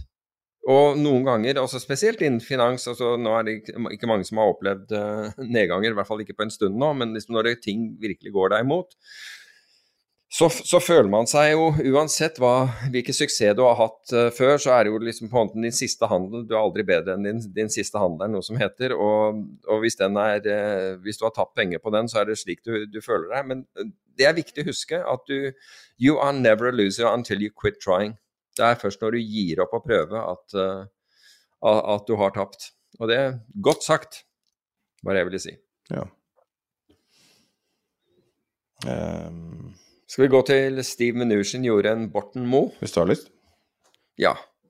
Amerika tidligere amerikanske finansministeren, da finansminister under eh, Obama. Under Ja, nei, ikke under Å ja, Obama, sorry, Mnuchin. Nå, jeg, tenkte Ja, på, Mnuchin. jeg tenkte på Obama sin finansminister. Nei, nei, han eh, var For han var- gjorde jo det samme lignende. Riktig. Under, under uh, Trump, da Steve Mnuchin, som da kom fra Goldman Sachs, så var han i et hedgefond før han ble hyret til å være amerikanske finansministeren.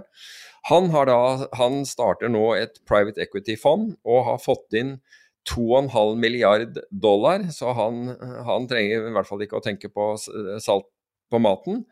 Og han har da bl.a. fått penger fra Softbank, altså som eh, det japanske Softbank, det er jo teknologiinvestoren. Han har fått fra Mohammed bin Salame eh, Hva heter Salame, er det ikke det? Jo, MBS. altså MBS. eh, Veldig mye lettere å bare si MBS. MBS, ja, mye, mye lettere. lettere for tunge nå.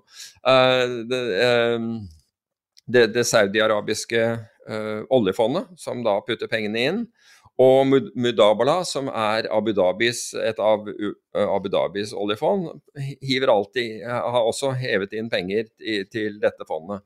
Så Det første han gjorde var, når han gikk av, det var å ta en tur rundt i Midtøsten og har fått inn 2,5 milliard dollar.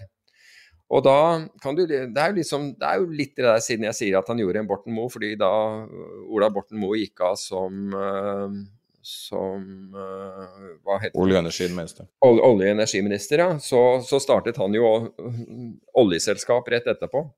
Så det er tydeligvis ikke noe sånn Idet du går av der, da har, da har du medvind, for å si det på den måten. Men du sier det som om altså du, Vi har jo diskutert det her ganske heftig før vi starta. Kom igjen. Du sier jo det her som om det er et problem. Uh, jeg vet litt, ikke ja. Jo, men, ja, men jeg vet ikke om det er et problem, men jeg syns det, det, er verdt å debattere det. Det syns jeg. Fordi når du, når du, har en sånn uh, stilling, så har du tilgang til informasjon, for det første, som andre ikke har.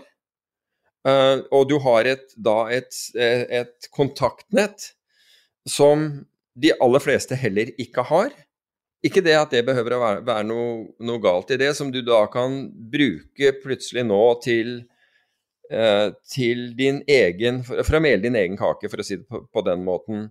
Og jeg syns jo at det er verdt å, å, tenke over. Det kan hende at det er, det er uproblematisk uh, at det er slik, men er, jeg føler at det er litt spesielt at det ikke er noen sånn særlig grace-periode, hvor ja, på en måte du skal kjøle, kjøre deg litt ned i forhold til i, i, For det er veldig lett at du får altså For å si det på den måten, da.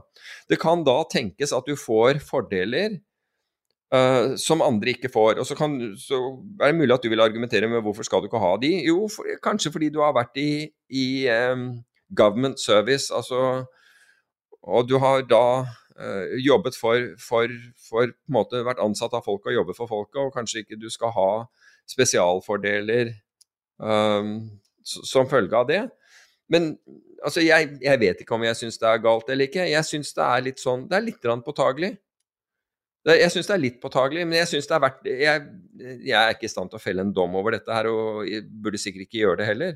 Men jeg, jeg syns i hvert fall at debatten er verdt å ha. Det syns jeg.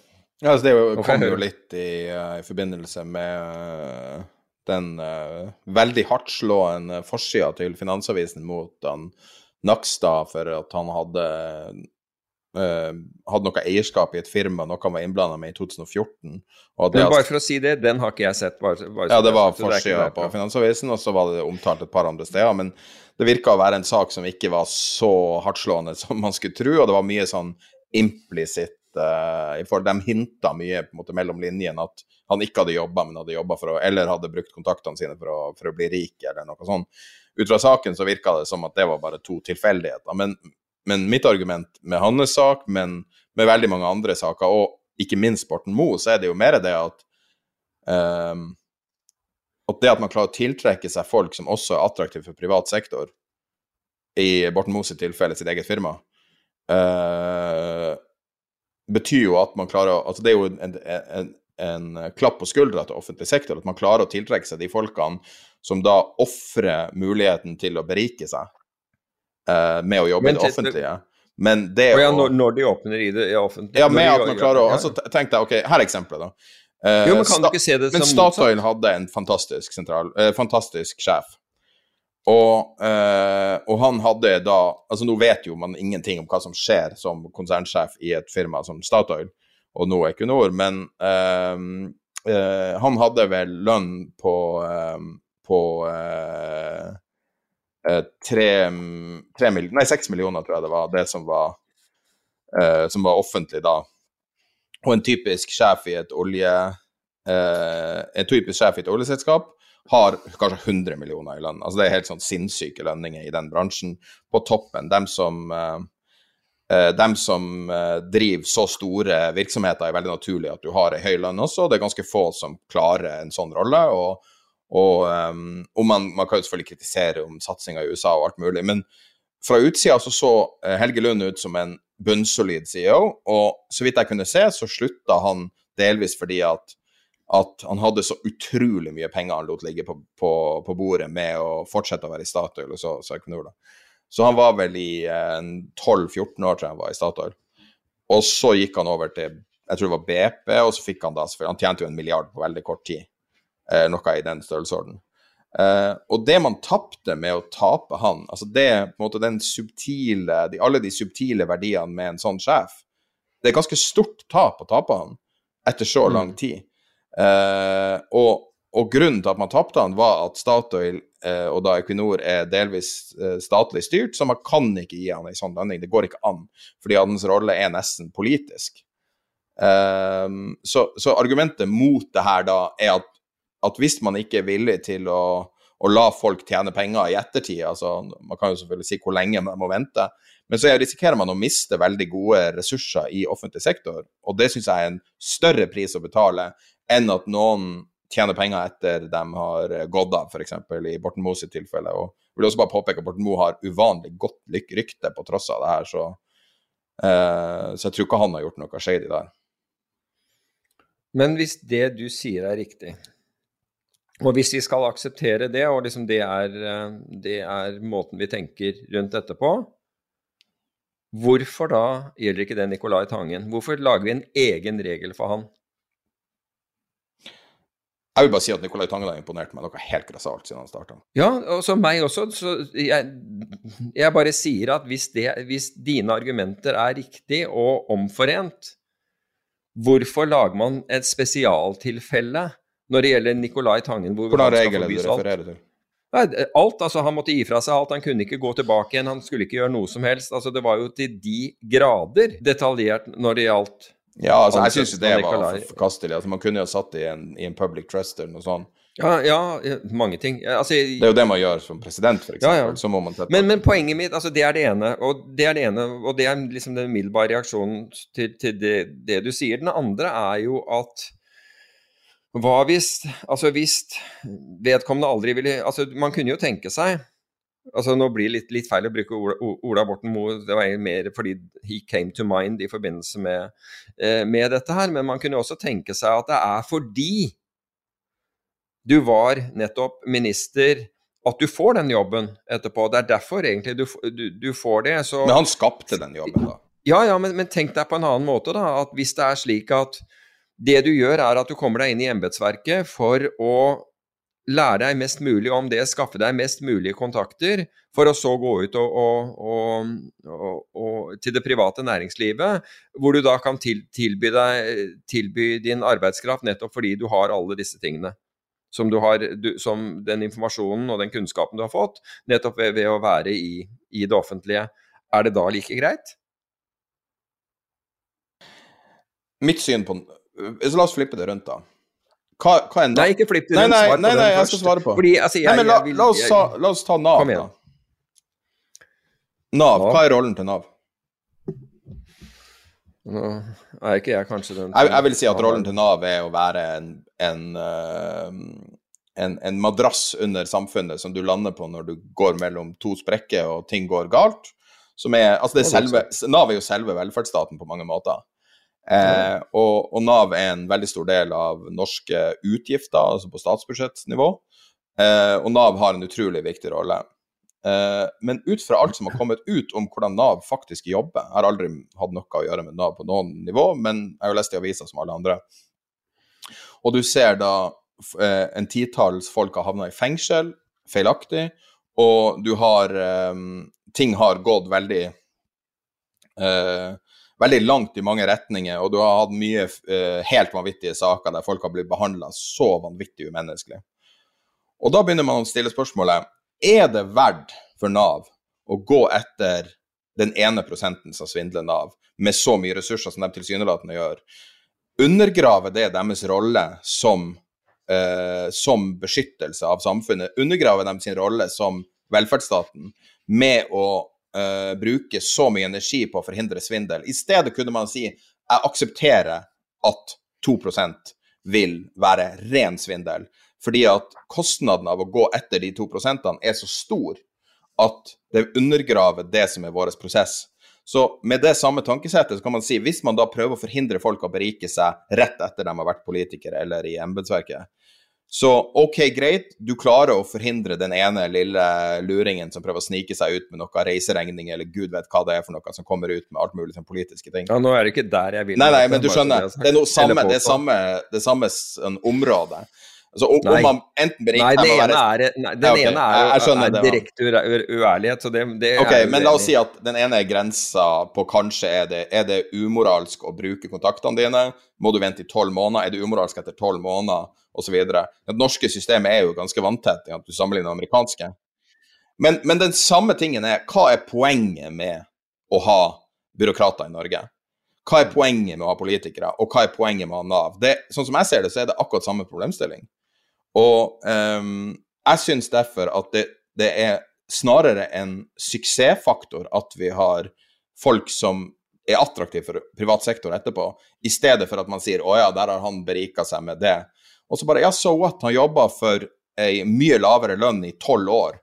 Så om man da beriker seg i overgangen og har lyst til å eh, Du ser alle som du møter i, din, i, din, i ditt virke, steinrik, og du, off, eh, du går i liksom, offentlig sektor-klær, på en måte, så, så skjønner jeg jo den. Altså, det er jo utrolig menneskelig. og Hvis man klarer å holde på de personene noen år ekstra, så er jo det en vanvittig styrke for offentlig sektor.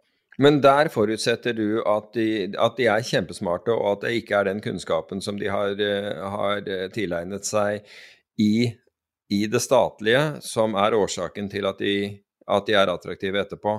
Og de, de, de, eh, de kontaktene. Nei, jeg sier, jeg, jeg sier sier ikke at det jeg sier ikke at det er det ene eller det andre. Jeg bare, jeg, jeg, debatten interesserer meg. ja. altså, Jeg er ikke noe hardnakka, men jeg syns det er problematisk at Finansavisen setter Han her personen har eh, på en måte vært ansiktet utad for å lede Norge gjennom korona. Jeg vil også bare påpeke at bufferen for at de skal være bad guy, er ganske mye større enn andre.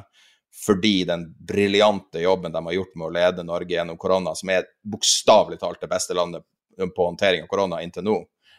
Du snakker om FHI, ikke sant? nei, altså Norge, korona, ja, FHI. Eh, Ja, du snakker ikke om Finansavisen. Nei, nei, jeg sier bare Jeg, jeg syns sånn der type saker Så ikke noe kritikk av Finansavisen, jeg skjønner hvordan de tenker, men eh, men likevel, det å problematisere det at han har hatt en investering på noe som tilsynelatende er en oppfinnelse han var innblanda i for, for eh, syv år siden, så, så syns jeg at man skal ha litt grann respekt for den jobben som er gjort. Så det FHI har gjort, det utgående regjering har gjort, og, og det, det Stortinget har gjort også, har jo vært helt sant? Se på andre land der folk driver og, og prøver å drepe Eller kommunen, på gata. eller kommunen Ja, for og, og ikke minst, sant? ikke Ja. minst folkene. Folk har rett og Mm. slett bare fulgt reglene. Og, Mm. og jeg, jeg synes, altså, i den forbindelse så syns jeg man skal gi vanvittig slekk. Eh, Jeg er ikke uenig med deg, og min, min forankring for dette har ingenting med, med, med det som har stått om, om Nakstad. Jeg, som sagt, jeg kjente ikke til det, så, så det er ikke der jeg kommer fra med dette. Jeg så Menushin og så på en måte Ja. det hva han hadde gjort, og, og, og på en måte tenkte plutselig tilbake på noen, noen norske eksempler. Så jeg har ingenting, jeg bare så poengtere det, jeg har ingenting eh, å si om, eh, om da, altså negativt om, om Nakstad i det hele tatt. Det tror jeg det er ikke det Annet enn kanskje timinga med å skrive ei bok, det er det eneste som kanskje er litt problematisk. Muligens. Men uh, selv det, so what. Hvis det er det Men du vil også gjøre, i, i USA så er det viktig å også påpeke at dette her er altså Mnuchin er ikke den første som gjør det. John Snow, som, som da tjenestegjorde under Bush, han, eh, han gikk rett til, til et hedgefond. Og Tim Geithner, som var, eh, som var finansminister under Obama, han er da, han har gått til private equity, til, til Warburg Pincus. og det, det, det er ikke som om dette her er grensesprengende eh, eh, ny eh, vending. Jeg, jeg bare tenker at det er ja, altså You're made for life hvis du altså bare på, på, på association. Ja, kanskje. Så, men jeg syns, er, jeg syns debatten er, er eh, jeg, jeg føler ikke at den har konkludert heller, for den saks skyld. Jeg hører hva du sier, og, og er enig i mye av det du sier. Uh, men den følger også visse premisser, ikke sant. Altså, og hvis noen av de premissene, og det gjelder jo min egen, min egen debatt også, hvis pre, noen av premissene endres eller viser seg ikke være riktig, så, så, så vil jeg også endre, endre konklusjonen, bare så det er sagt. Hva tror du oddsen er for at du blir oppringt og spør om du vil være finansminister? Det er ikke umulig. Og vi vet jo at bokstavelig talt folk som sitter ja, der finansministeren hører på, men, eh, men eh, det er ikke helt Nei, umulig. det, ja, det, det, det, er, altså For det første tror jeg du må være politiker for å være finansminister. Nei, og det andre at jeg, jeg, jeg tror at det er en, det, er en, det tror jeg er en sånn tolvte standardavviks-event eller noe sånt. og Da, da har det skjedd mye. før, før, før, før det er aktuelt. Vet ikke om den, det er en stilling som man, man ønsker å ha for den saks skyld. Men hva er det hun heter, hun eh, som var Hun var jo sanger. Hva det heter, hun som er høy, veldig elegant, som var Hun var jo kulturminister, hun var jo ikke politiker. Rita Vestvik? Nei. Nei, hun var ikke sanger. Nei, Og du mener Åse Kleveland? Åse Kleveland, ja. ja. For jeg så Åse Kleveland på Majorstua en gang. I en sånn her uh, Satt seg inn i en sånn uh, utrolig rar uh, racingbil. Altså, ja, hun er et mysterium. Jeg kan, fort, jeg kan, fortelle deg hva det der er. For, fordi da jeg var guttunge og bodde ved Fornebu og, og, og, var maskot på en flyklubb som het Norøna fly det, Man burde ikke si sånn om seg selv, men i hvert fall da lærte hun å fly der, på, på, på, på Fornebu. Og hun kjører en Saab Sonett. En? Saab Sonett. Det var det, i hvert fall det hun kjørte den gangen. Jeg tror sikkert hun har den enda. Ja, det var faen meg den. Den var sølvgrå, tror jeg. Yes, det er den. Det men hun, altså, hun bare utstråler å være kul, men ting er at hun var ikke politiker, var det jeg mener. Og um, mm. du er jo forfatter, hun var jo også kulturminister, så du kan bli kulturminister, da.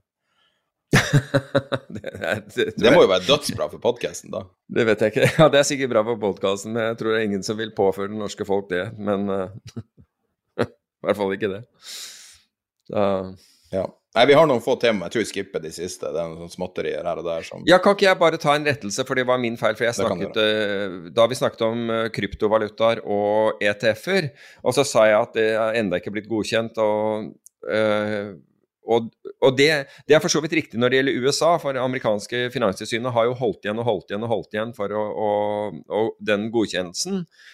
Uh, mens canadierne har godkjent. Så, så i Canada finnes det ETF-er eh, på, på, kryptovaluta, bitcoin-ETF-er og, og, og, slikt noe. Det var da Vetle i um, Arcane Krypto som gjorde meg oppmerksom på det, og det var bra at han gjorde, fordi vi skal jo vi skal si uh, Det skal være korrekt det vi sier. Det var egentlig en sløvhet fra min side. Så takk, Vetle, for den. Du, forresten, Hva ville du ha gjort hvis du ble finansminister, eller at podkasten ble offisiell rådgiver til finansministeren? La oss bare si at det skjer. Hva jeg vil Nei, det jeg aner ikke. Det er en, Har du ikke en, en så ans, ansvarsfull uh, jobb. Én uh, ting. Jeg tror i hvert fall, Siden jeg da ville ha myndighet over Finanstilsynet, så hadde jeg i hvert fall snudd opp ned på den, tror jeg og gjort den definitivt mer, mer, effektiv. Har du myndighet over det? Jeg trodde det var myndighet over Finansdirektoratet direkte, og så dem har myndighet Nei, jeg tror altså Finanstilsynet Jeg mener at finans, eh, Finanstilsynet sorterer innunder, innunder Finansdepartementet, at de er eh, Jeg kan ta feil, og hvis jeg gjør det, så må Tilsynet er underlagt Finansdepartementet. There you go. There you go. Det er det første jeg hadde gjort. Men i 2016 ble tilsynet underlagt EUs finanstilsyn via ESA, så Mm. Det er litt sånn uklart. ja. Men, eh, så det er det som du mener er det viktigste man må ta tak i? Nei da, det er ikke det viktigste man må ta tak i, men der, der har jeg i hvert fall veldig sterke meninger. Jeg, altså, du, du springer dette på meg så, så, så brått. er jo noe for ja, tittel til episoden. nei, det må, du ikke, det må du ikke gjøre, vær så snill. Vær så snill. Men, uh, men uh, nei, da, da, høres det ut som man prøver en, en, jobbsøknad, og den vil jeg aldri, den vil jeg aldri søke på, for å si det på den måten. Um, Nei, så jeg, jeg, klarer ikke å ta det på sparket hva jeg ville ha, ha gjort. Uh, lukke velstandsgapet er en av de der tingene som jeg tror, men det, det kommer nok uh, den nye regjeringen til å, til, til å, jobbe hardt for å gjøre uansett. Tenker jeg. Ja. Men da tror jeg vi er kommet til veis ende i denne episoden med tittel 'Peter Warren, finansminister'. Nei. Nei, vær så snill. Det må vi ikke kalle den. Det må vi ikke kalle den. Uff a meg. Nei, kan du bli det som brite? Det kan du vel kanskje ikke bli? Nei, det tviler jeg vel sterkt på. Det vil jeg tvile sterkt på. Ja. Her, her er det skattekutteren som kan bli finansminister. Hva sa du? Å oh, ja, nei. Jeg prøvde bare å finne ut noe, noe faktoider om konseptet finansminister, men eh. Her føler jeg at det er en del som trenger å kuttes. Nei. Nei, men da tror jeg vi avslutter denne episoden. Den er god. Tre, syv minutter markedet åpner. Ha det bra. Tired of ads barging into your favorite news podcasts? Good news. Ad-free listening is available on Amazon Music for all the music plus top podcasts included with your Prime membership. Stay up to date on everything newsworthy by downloading the Amazon Music app for free or go to amazon.com slash news ad free. That's amazon.com slash news ad free to catch up on the latest episodes without the ads.